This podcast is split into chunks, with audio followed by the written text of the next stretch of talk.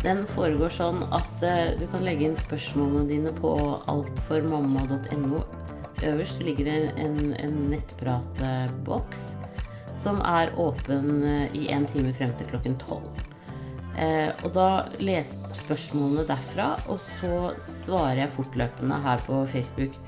Og grunnen til at eh, det ikke går an å stille spørsmål på Facebook, det er fordi at da knytter man personopplysninger opp mot helseopplysninger, og det er ikke lov. Eh, men at, jeg, at dere legger dem inn på Alfa Mamma, da er dere anonyme, og så bare leser dem opp, det er lov. Så det er helt greit. Så da bare begynner jeg. Jo, så etterpå så limer jeg inn URL-en herfra. Sånn at det er lett å finne svarene. Så da gønner jeg på her. Eh, da er det uke 28 som sier Hei, Siri. Jeg har lest at det er vanlig kjenne at babyen dirrer i magen, og at dette kan ha sammenheng med at babyen tisser. Jeg kjenner ikke at babyen dirrer, men når jeg lener meg fremover, får jeg en dirrende følelse øverst i magen. Virker ikke helt likt som andre beskriver i forhold til det med at babyen tisser. Vet du hva dette kan være? Det kommer hvis jeg sitter oppreist og litt fremoverlent. Jeg lurer også på hva som menes med at sex i svangerskapet er ok, om en har et normalt svangerskap. Jeg har marginalt festa navlesnor og får ekstra oppfølging grunnet det. Regnes det som unormalt, eller er det trygt? Det kan du si. Ja, når det gjelder det med den dirringen når du sitter fremoverlent, så vet jeg faktisk ikke helt uh, hva det kan bety. Uh, så jeg tenker at det må kanskje ha noe med nerver og muskler å gjøre, uh, på et vis. men der har, jeg, der har, jeg, ingen gode forslag. Men jeg også har hørt det der at at når babyen eh, liksom dirrer på seg, så er det fordi den tisser. Eh, nå er du i uke 28, så enda så er det jo også ganske sånn umodne bevegelser hos fosteret, hos babyen. Sånn at det, eh, det kan jo også kanskje muligens forklare eh, at den kan dirre litt eh, mer enn Og at du kjenner det kanskje bedre når du lener deg forover, for da blir det liksom mer kontakt mellom livmoren og, eh, og skal vi si, deg, da. Det liksom bare står ikke helt fritt opp. Men eh, det, det Jeg har ikke noen veldig gode forslag der. Og så lurte jeg på Eller annet enn det jeg sa nå, da. Også det med, med sex i svangerskapet. Eh, du bør ha fått en advarsel hvis du ikke skal ha sex i svangerskapet. Eh, men samtidig, det med marginalt feste, det betyr jo at navlesnoren sitter litt langt ute på kanten. Så du kan jo spørre neste gang du er på kontroll, men de skulle ha advart deg for lenge siden hvis det skulle være en fare der, altså. Eh, jeg tror det som på en måte man er mer bekymra for der, det er at når du, når du begynner med rier eventuelt, så, så, skal man følge litt med på hvordan det arter seg. Eh, og jeg vet heller ikke om, du, om det er så marginalt at du alternativt har blitt tilbudt keisersnitt. Men du kan jo øh, høre med dem snart. Jeg vet ikke når du skal på neste kontroll, men, men hør med dem hvordan de ser for seg fødselen også. Uh, kan være lurt. Men da Jeg føler at jeg liksom ikke kunne svare helt sånn 100 godt på dine spørsmål. Um, men særlig fordi det, det med navlesnoren er det jo spesialisthelsetjenesten som kan mest om. Men da ønsker jeg deg riktig lykke til videre, og tusen takk for at du følger meg her. Ha det bra! Og så er det Redd for XU som sier Hei, Siri. Fant ut at jeg var gravid 30. april. Clearblue Digital viste gravid 1 til 2. Gikk av minipillen Saracet 15. mars og har siden den gang ikke hatt noen menstruasjon. Jeg visste derfor ikke hvor langt jeg var på vei, og ble sendt på tidlig innvendig ultralyd 5. mai. Gynekologen sa at han kunne se fortykket slimhinne på 13 millimeter. Livmoren var ikke spesielt utvidet. Fikk deretter beskjed av gynekologen at jeg hadde funn av litt væske rundt venstre eggstokk, eggleder. Gynekologen ønsket meg tilbake på ultralyd 12. mai for å se etter en plommesekk. Dette for å forsikre seg om at jeg var gravid på riktig plass. Jeg antar at det da er snakk om en mulig XU. Videre ønsket gynekologen at jeg skulle ta HCG blodprøver for å sjekke verdiene mine. Eh, jeg tok første blodprøve onsdag 7. mai, som viste 216. Tok andre blodprøve fredag 7. mai, men har ikke fått svar på denne enda. Nå skal det sies at gynekologen mistenkte at jeg var tre-fire uker på vei. Selv fikk jeg positive eggløsningstester fra merket Babyplan 19. april og 20. april. Tok samtidig to andre eggløsningstester, en fra merket Metode og en fra merket RFSU, som begge var negative. Det var grunnen til at jeg var usikker på hvor langt jeg er på vei, og derfor ble henvist til tidlig ultralyd. Mine spørsmål er hvor sannsynlig er det at jeg har en XU? Finnes det en annen forklaring på væsken gynekologen fant under undersøkelsen? Er HCG-nivået på 216 normalt hvis jeg er ca. fire uker på vei? Hva bør jeg forvente av HCG-nivået mitt ligger på fra målingen 7. mai? Jeg er veldig redd for at det kan være snakk om en mulig XU. Er mitt første svangerskap, er for øvrig plaget med svangerskapskvalme og kaster opp etter hvert måltid. Har også utrolig ømme bryst samt tykk og hvit utflod, men veldig liten mengde utflod. Tusen takk for svar. Hilsen jente på 23 år. Ja, det er ikke um, jeg, Altså, jeg tenker uh, for det første liksom stol på kroppen din. Og de tegnene du har på en graviditet, det er liksom det aller, aller viktigste. Eh, hvorfor det er en væskeansamling på rundt eh, eh, Altså Åh, gud Hvilken dag går det treigt rundt i hodet mitt, kjenner jeg. Skal vi se Hvis, Den der væskeansamlingen, det kan jeg ikke nok om, og det er det gynekologene som kan best. Så der må du bare vente på hva det kan bety. Um, nå er det jo sånn at uh, i egglederen sant, så har det jo løsnet et egg på den ene siden. Så jeg tenker at det er vel der på den siden at man da liksom har kunnet se den liksom litt sånn væskeansamling. Så det tenker jeg er uh, Det er ikke sånn nødvendigvis noe veldig rart. Men, men Og du har jo hatt positive eggløsningstester. Nå er det også sånn at man ved hyppig sex kan ha eggløsning utenfor forventet tidspunkt. Eh, så det også kan spille inn. Når det gjelder HCG, eh, så eh, er det viktigst at det dobler eller tredobler seg til mellom liksom to til tre dager. Sånn at en dobling Altså du bør ligge på sånn røftlig ja, opp mot 500 da, på den fredagen det at det stiger, er liksom da tegn på at det er en positiv graviditet. Sånn at um, det er på en måte det aller viktigste. Det er ikke egentlig nødvendigvis hvor høyt det ligger, men det er det at det øker, som, som er det viktige. Eh, og når det gjelder XU, så tenker jeg det er jo supert at du har vært hos gynekolog såpass tidlig og skal tilbake. For da vil gynekologen se hvor fosteranlegget ligger. Eh, og da, da, får du svar på det. Um, men jeg kan ikke, ikke, nok om det. Men det at du har fått en annerledes utflod og sånn, det er et positivt tegn i forhold til det at eh, kroppen din er i ferd med å, å forberede seg på en graviditet. Så det tenker jeg er kjempepositivt. Så her er det bare å krysse fingrene og håpe på det beste. Eh, og du er i gode, trygge hender, det er jeg helt sikker på, hos den gynekologen. Da ønsker jeg deg riktig lykke til videre, og tusen takk for at du følger meg her. Ha det bra! Og så er det Silje som sier Hei, Siri. Jeg fødte for to måneder siden. Ukomplisert fødsel og barseltid. Renselsen varte i ca. tre uker. På seksukerskontrollen, syv uker etter fødsel, fikk jeg satt inn hormonspiral av gynekolog. Hun tok ultralyd og så at den satt riktig. Alt så bra ut ellers også. Greia er at ca. tre dager etter at denne ble satt inn, begynte jeg å blø, ikke store mengder, men såpass at jeg må bruke bind. Har nå blødd i ni dager. Har ingen smerter eller plager, men frustrerende å blø så lenge. Det har liksom blødd jevnt og verken blitt mer eller mindre i mengde. Er dette normalt? Jeg fullammer.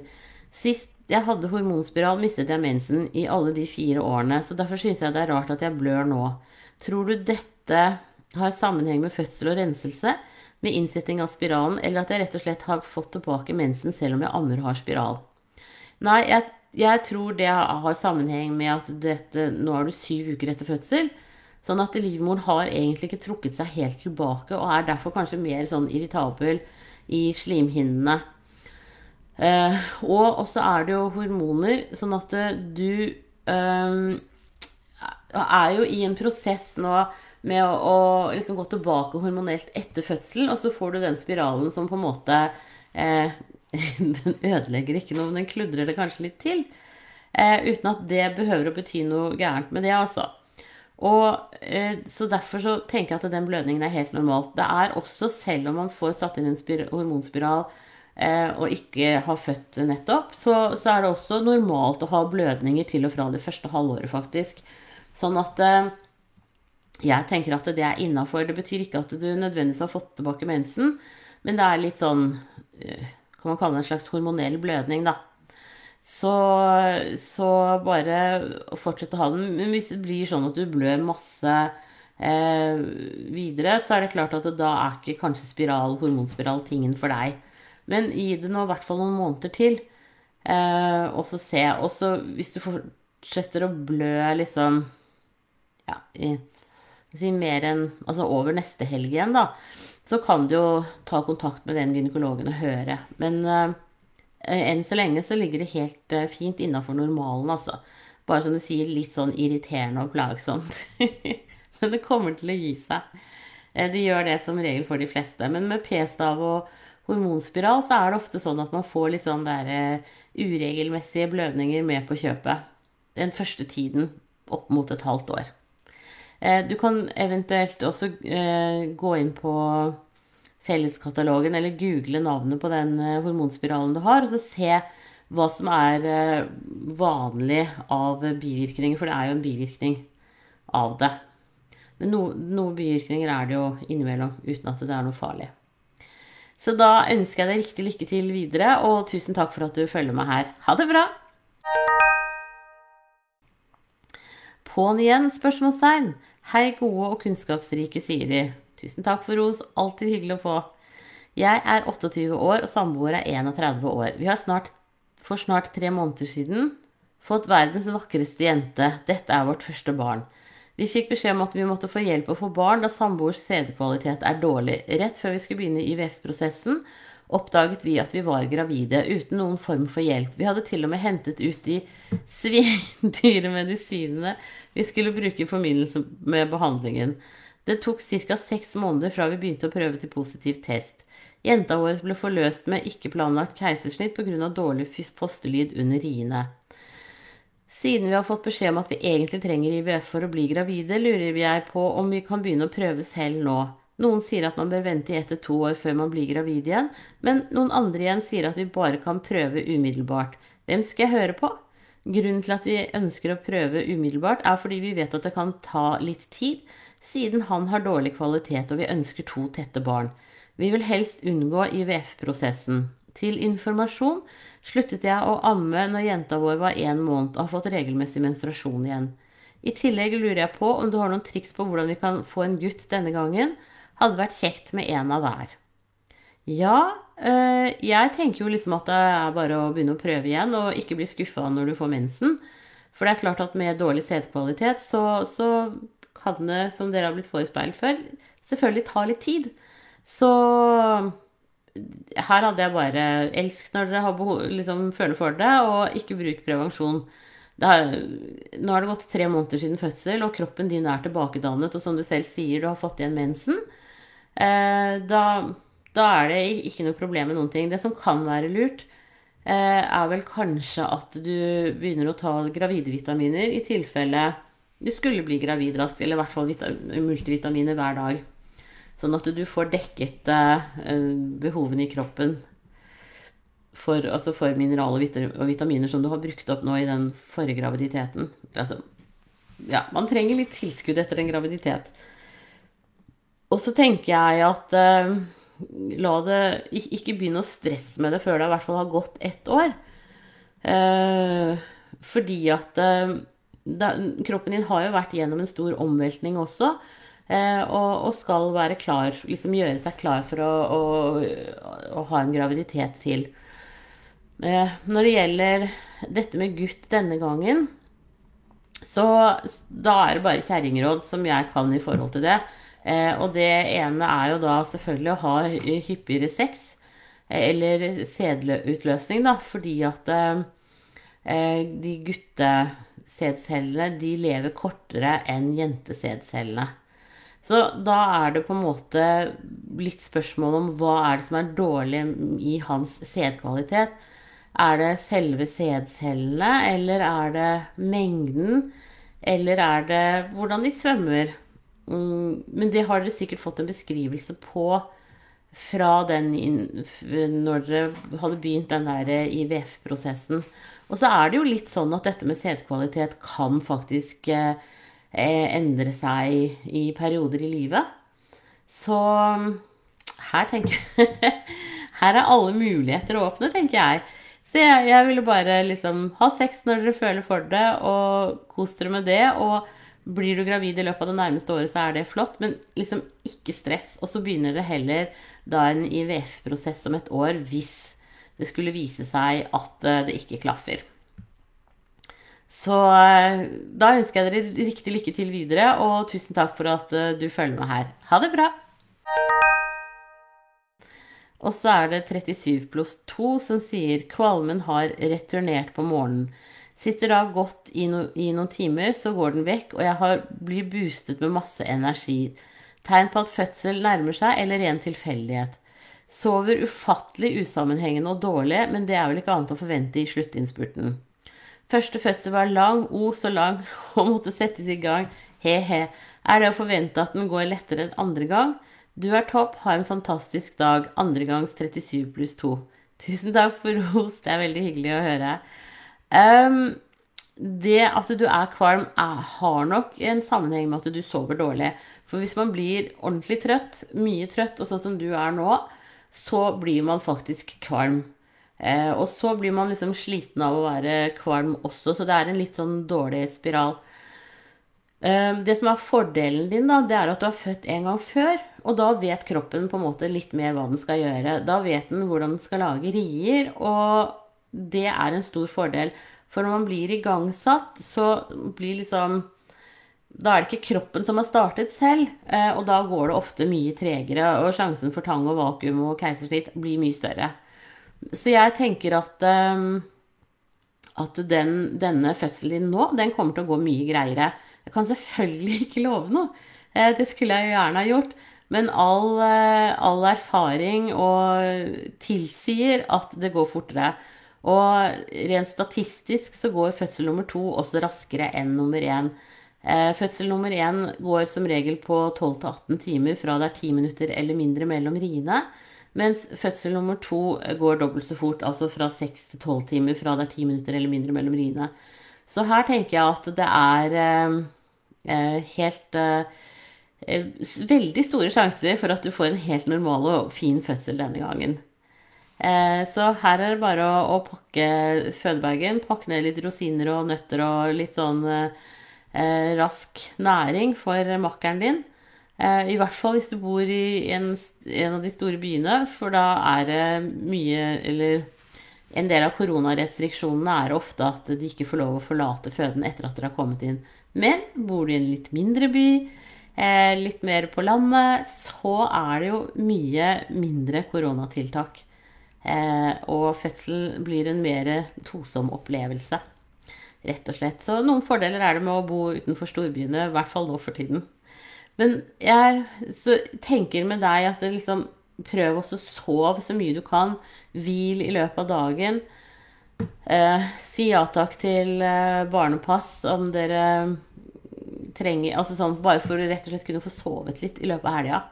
Eh, det tenker jeg er en investering for deg. Da ønsker jeg deg riktig lykke til videre, og lykke til med fødselen. Ha det bra! Og så er det engstelig som sier Hei, jeg er 3 pluss 6. Fikk positiv graviditetstest torsdag denne uken, har ikke kommet mens i morgen. I oktober 2020 hadde jeg en XU som resulterte i at eggleder sprakk. Jeg var da ca. syv uker på vei når dette skjedde. Jeg er kjempenervøs for at dette skal skje igjen. Jeg ble gravid begge ganger ved å bruke klomid. Er det noen økt sannsynlighet for at jeg kan ha XU nå også? Jeg har nylig flyttet til en annen kommune enn der jeg har hatt oppfølging tidligere, og har ikke det her jeg bor nå. Ja, vet du hva, da syns jeg at du kan eh, Hvis du ikke nå på mandag og tirsdag får tak i eh, en lege som kan eller jordmor som kan henvise deg til tidlig ultralyd, så går du tilbake til der hvor du Hvis ikke det er himlende langt unna, da. hvis du har flyttet liksom på tvers av landet, så blir det vanskelig. Men ellers så, hvis det er typ nabokommunen, så går du tilbake til de du gikk til sist, bare nå i oppstarten. Men ellers så skal eh, jordmor på helsestasjonen der hvor du sogner til, eh, kunne ta deg inn på under en ukes varsel. Eh, og kunne da sende en, en, henvisning videre. Du kan også alternativt, hvis det er veldig dårlig stelt, ringe rett til fødesykehuset og spørre om de kan ta deg inn på, på svangerskapspoliklinikken der, bare for å se at, at det, denne graviditeten sitter i livmoren og ikke i egglederen. For det er klart at det, det er kjipt hvis, hvis, det skulle skje igjen. Eh, høyst sannsynlig så gjør det jo ikke det, men, men eh, det er alltids eh, veldig greit å vite.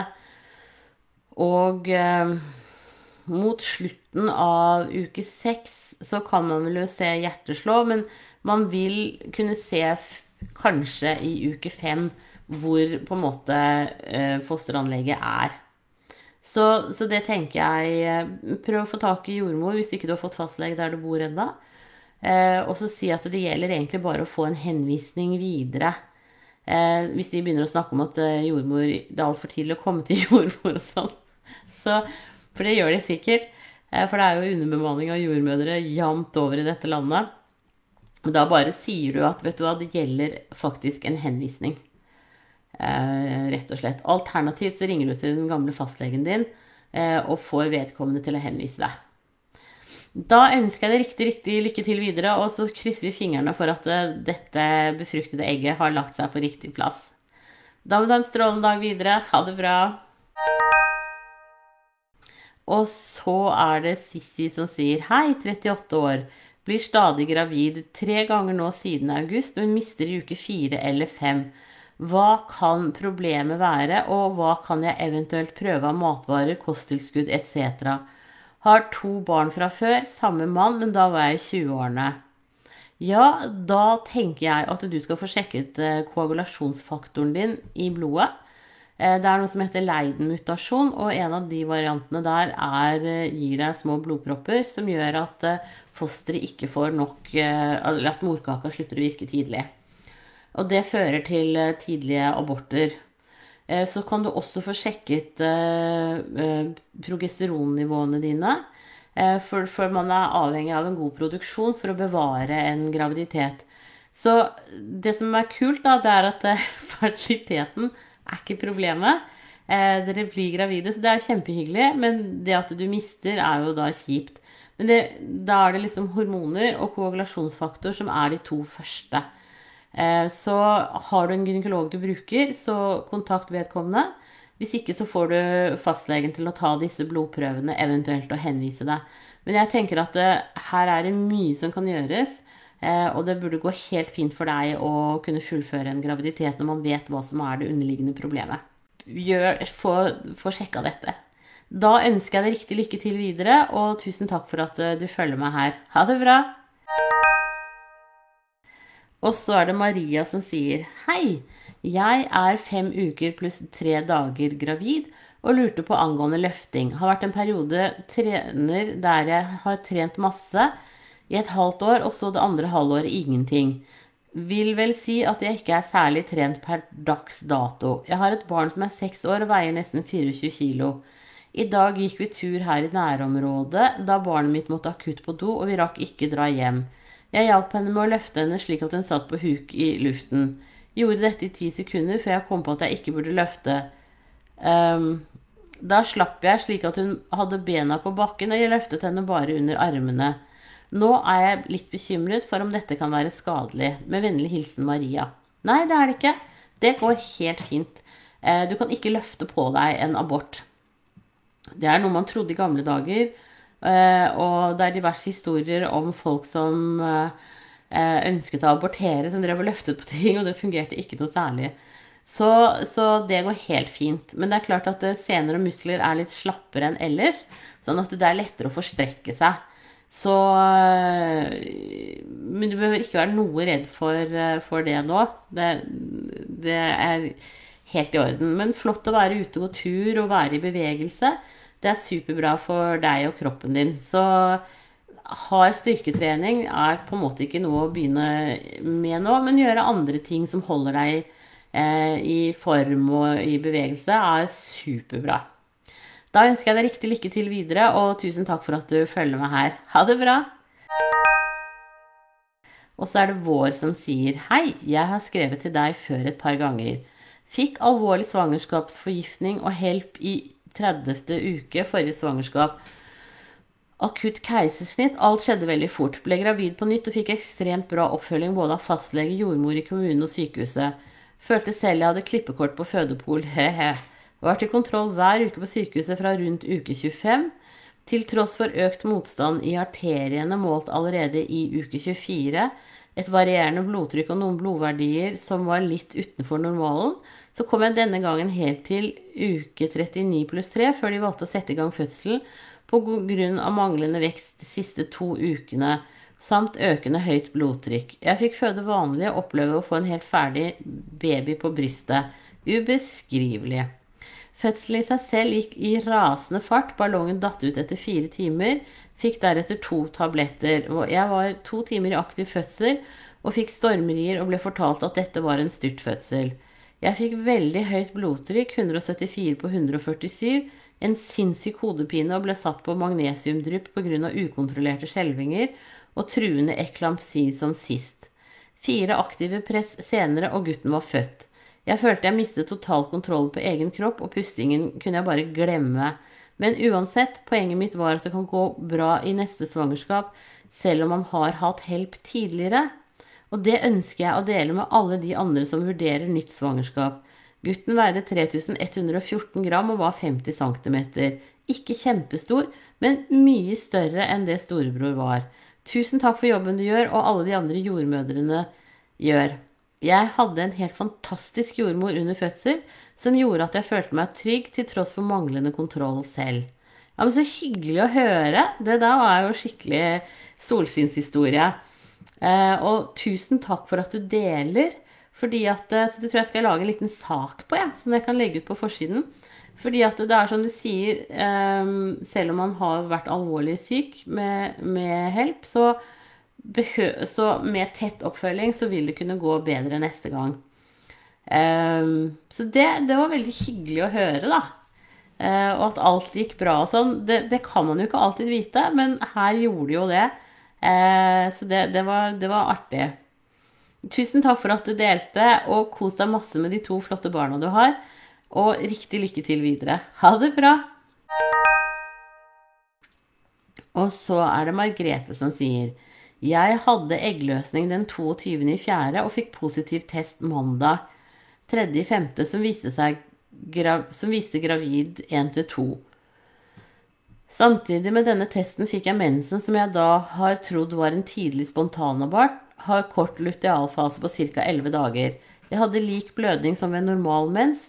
Når det kom til mengde, har normalt medium blødning og lengde på fem dager og normalt med murringer. Tok en test igjen i dag, da blødningen var over i går, og til min overraskelse viste den gravid to til tre.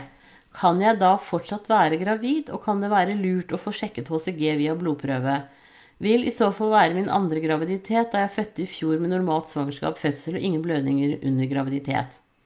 Ja, vet du hva, det syns jeg du skal få sjekket HCG. Nå er det sånn at eh, når man har vært gravid, så har man eh, HCG i blodet eh, i noen uker etterpå. I inntil ni uker, men ikke når man har kommet så kort som deg. Så jeg tenker at det som kan være kult for deg å sjekke, er HCG hos fastlegen med to, nei, to til tre dagers mellomrom for å se om det er eh, økende eller eh, avtagende. For er det avtagende, så, så, var det en abort, men er det økende, så er du fortsatt gravid. Og det er faktisk noen ganger sånn at, eh, at man kan ha en litt mensblødning fordi at eh, eh, kroppen på en måte ikke helt har skjønt at den er gravid ennå. Så, så, det tenker jeg er eh, helt på sin plass å, å, få sjekket. Jeg vil på en måte ikke eh, gi deg falske forhåpninger her, men, men det er eh, Det er fakt, går faktisk an, da, eh, å være gravid selv om man har hatt en sånn blødning som deg nå. Så da, får, da krysser vi fingrene, og så ønsker jeg deg eh, riktig lykke til videre, og så blir det spennende å høre på resultatet. Da må du ha en strålende dag videre. Ha det bra. Og så er det andregangsmamma som sier hei. Har du noen tips til hvordan å forberede små storesøsken på at de skal bli søsken? Har en på to som er ca. to og et halvt da hun blir storesøster for en lillebror for første gang. Hun forstår jo ikke så mye av sånt enda. Nei, jeg tenker at eh, det som man kan gjøre, er jo også snakke om eh, maven og si at det er en baby der inne. Og så vil hun antageligvis ha venner i barnehagen som også har fått søsken. Eh, så du kan liksom snakke om de. Og så kan du jo la henne holde på maven etter hvert som man kan kjenne at babyen sparker også utapå. Eh, for jeg tenker at eh, selv om hun på en måte Hun vil jo aldri skjønne den fulle effekten før babyen er der, for så vidt. Men, men hun Jeg tror liksom barn Jeg har veldig stor tro på barn, da. Så jeg tror de skjønner mye mer enn det de kanskje kan si verbalt. Eh, og, og, stemninger og sånn. Så jeg tenker at hun, hun skjønner jo at noe, noe er annerledes. Um, så jeg tenker bare snakk med henne om det. Eh, og si at her ligger lillebror, og at han skal komme ut og, og sånn. Så, så, så, tikker det inn. Og, og svar på spørsmål eh, underveis eh, når de kommer. Um, så da håper jeg at uh, Og så kan du høre på helsestasjonen, forresten. De helsesykepleierne har jo uh, skikkelig erfaring med dette. Uh, så de har, de har, mange gode svar å gi på dette. Og så blir det vel sånn etter hvert nå blir det mer og mer sånn forhåpentligvis litt mer åpning av helsestasjonen. Og, og med sånne foreldregrupper og sånn. så det å snakke om søsken gjelder nok ganske mange. Men i første omgang svar på de spørsmålene hun har, og fortell liksom at det ligger en baby i magen til mamma. Og så er det veldig mange som har jeg inntrykk av, da, barn som da mener at de også har en baby i maven. Og tenker jeg, det er ikke så farlig bør ikke gjøre noe stort nummer ut av det. Um, for de vil jo gjerne være som foreldrene. Uh, men det kommer til å gå over. Da ønsker jeg dere en riktig lykke, riktig lykke til videre, og ha en strålende dag. Ha det bra! Og så er det MJ som sier Hei, Siri. Er gravid 9 pluss 4 og går på blodfortynnende. Stakk meg i magen her en dag og begynte å blø. Er det farlig for den lille magen? Må vel stikke ganske dypt for at det skal være det. Ja, det er helt riktig. Du må stikke veldig dypt eh, for at det skal være skadelig for babyen. Og selv da så skal det godt gjøres at du treffer. For at når du setter sånn eh, blodfortynnende med sprøyter, så setter du det jo liksom bare langs med huden, på en måte. Altså litt inn og så langs med. Så, så, det er ikke skadelig for eh, babyen i det hele tatt. Eh, men eh, absolutt viktig at du får i deg de blodfortynnende medisinene. Så eh, da ønsker jeg deg riktig lykke til videre, og tusen takk for at du følger meg her. Ha det bra. Og så er det Sol som sier hei. På papirene fra ordinær ultralyd står det at det er et marginalt navlesnorsfeste. Hva har dette å si for svangerskap og fødsel? Er nå 26 uker på vei. Eh, det har ikke så mye å si for selve svangerskapet. Eh, men du skal følges opp med ekstrakontroller for å se at eh, babyen din får nok næring. For hvis det er veldig marginalt, så er liksom faren for det at, at babyen får en litt sånn dårligere ernæringstilstand. Så snakk med fastlege eller jordmor hvis ikke du allerede har satt opp på ekstrakontroll på sykehuset, at du blir det. Eh, også når det gjelder fødselen, så er jeg litt sånn usikker. Da tror jeg de på en måte må se på hvor er festet, og, og hva tenker man om det, og hvordan den eh, morkaka tåler rier, eller om man gjør planlagt keisersnitt. Men det tror jeg er sånn helt individuelle vurderinger. Så eh, snakk med fastlege, jordmor om dette også, at du um, Eventuelt om du spør om det når du er på en sånn ekstrakontroll. Uh, men uh, For det, jeg tenker at det, det, det, er liksom helt i forhold til deg uh, og den hvordan den navlesnoren er festet. Men som regel så går det helt fint. det er bare en ting å være obs på. Da ønsker jeg deg riktig Jo, også hvis, hvis babyen får dårligere ernæring, så vil du jo bli igangsatt eller forløst med keisersnitt. Eh, så, så, det er av de tingene man da Det er av de tiltakene man gjør hvis babyen har det dårlig. Da ønsker jeg deg riktig lykke til videre, og tusen takk for at du følger meg her. Ha det bra! Og så er det Kristine som sier Hei, hva er typiske modningstegn før fødsel?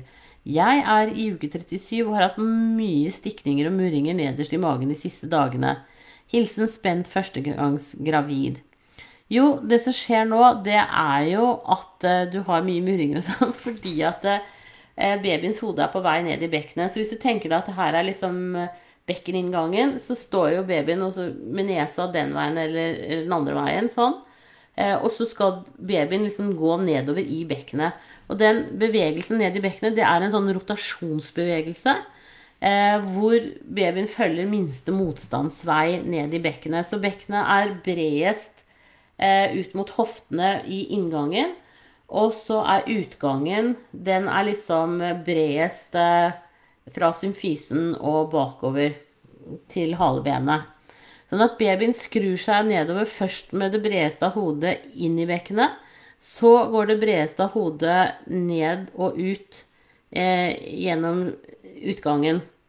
Eh, og skuldrene er jo det bredeste etter hodet, sånn at det også roterer, vil rotere med. Så vi er utrolig sånn finurlig laget. Eh, når, når, det gjelder Og det fins masse kule videoer på YouTube om akkurat disse rotasjonene.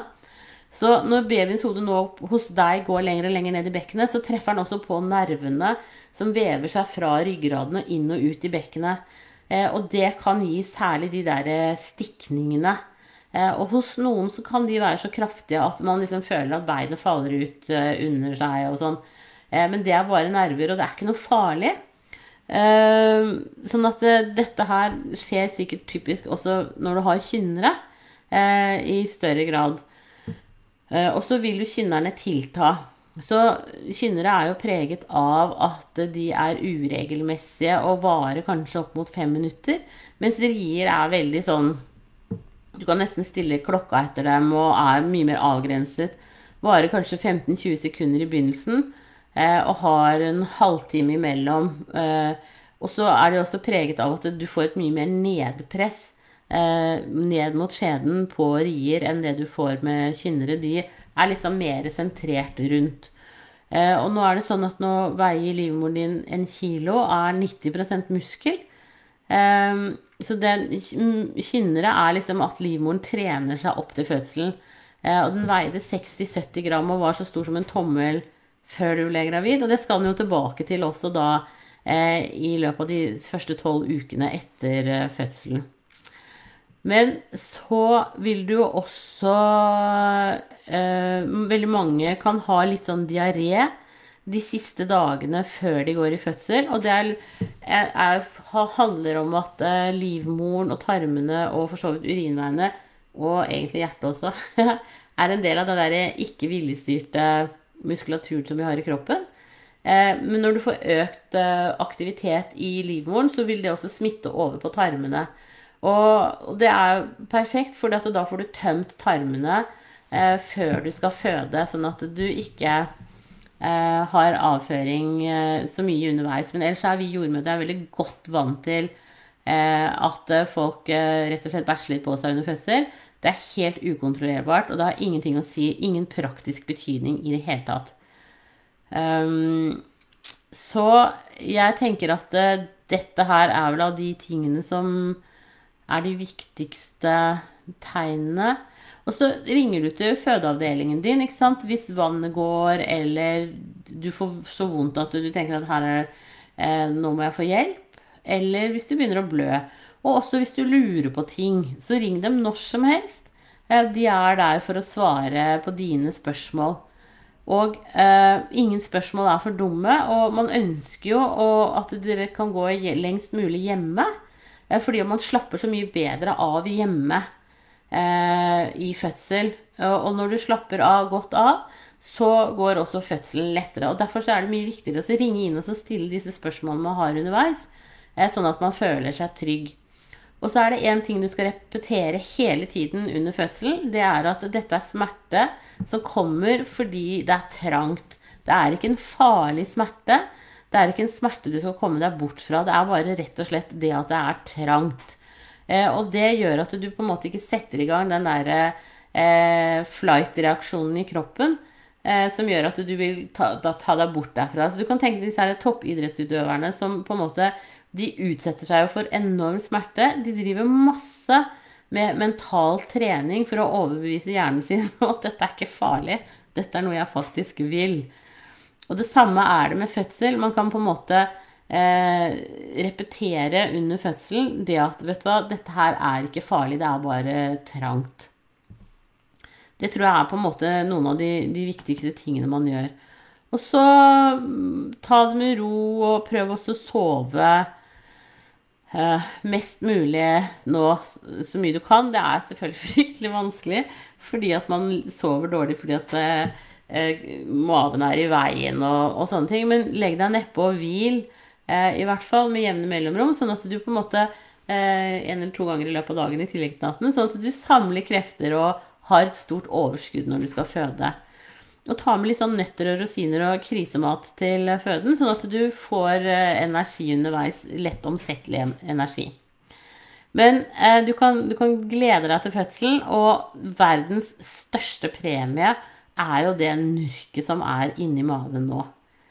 Eh, og det er kjempehyggelig med små barn. Da ønsker jeg deg riktig lykke til videre, og tusen takk for at du følger meg her. Ha det bra! Og så er det mamma for første gang som sier Hei, jeg er gravid i uke 32 og syns dette med liv i magen er litt vanskelig. Klarer ikke helt å finne et bevegelsesmønster hos babyen. Kjenner at noen dager får jeg mest bevegelse etter å ha spist eller drukket noe, og andre dager er det fullt liv hele dagen. Antall bevegelser er likt hver dag og har samme styrke. Har morkaken på framsiden. Høres dette normalt ut? Og har du noen tips i forhold til å finne bevegelsesmønster hos babyen? Nei, jeg, jeg tenker at dette her høres helt normalt ut. Eh, og det handler også om at det fortsatt er såpass god plass at babyen beveger seg, sånn at du vil også kunne kjenne bevegelsene på litt forskjellige steder. Og babyene også har varierende dager. Og hvis du f.eks. har hatt en litt sånn stressende dag, så har jo babyen fått stresshormoner fra deg og kan også bli litt sånn urolig av det, men også da ha en roligere dag etter. Og sånn er jo livet, så jeg tenker at det er ikke noe, er ikke noe å være noe bekymra for. Eh, så jeg tenker at eh, det du beskriver her, det er eh, helt normalt. Og det er mer den der bevisstheten som du har i forhold til din baby, som er det viktige. Og du har notert deg at ja, din baby har forskjellige dager. Og da er det det normale. Eh, og da er det helt greit. Så jeg tenker at dette her høres helt normalt ut og ikke noe å stresse med. Eller så er det en nettside som heter kjennliv.no, som man også kan gå inn på. Um, eventuelt for å, å, å, få noen råd der, da. Men i utgangspunktet så tenker jeg at du gjør det riktige. Dette her er helt, eh, helt normalt. Da ønsker jeg deg riktig lykke til videre, og tusen takk for at du følger meg her. Ha det bra! Da var det dagens eh, siste spørsmål eh, for nå. Så da avslutter jeg livesendingen. Men skulle det dukke opp eh, flere spørsmål i løpet av det siste kvarteret, så svarer jeg på de eh, skriftlige. Så da må dere ha en strålende helg og kose dere masse. Ha det bra!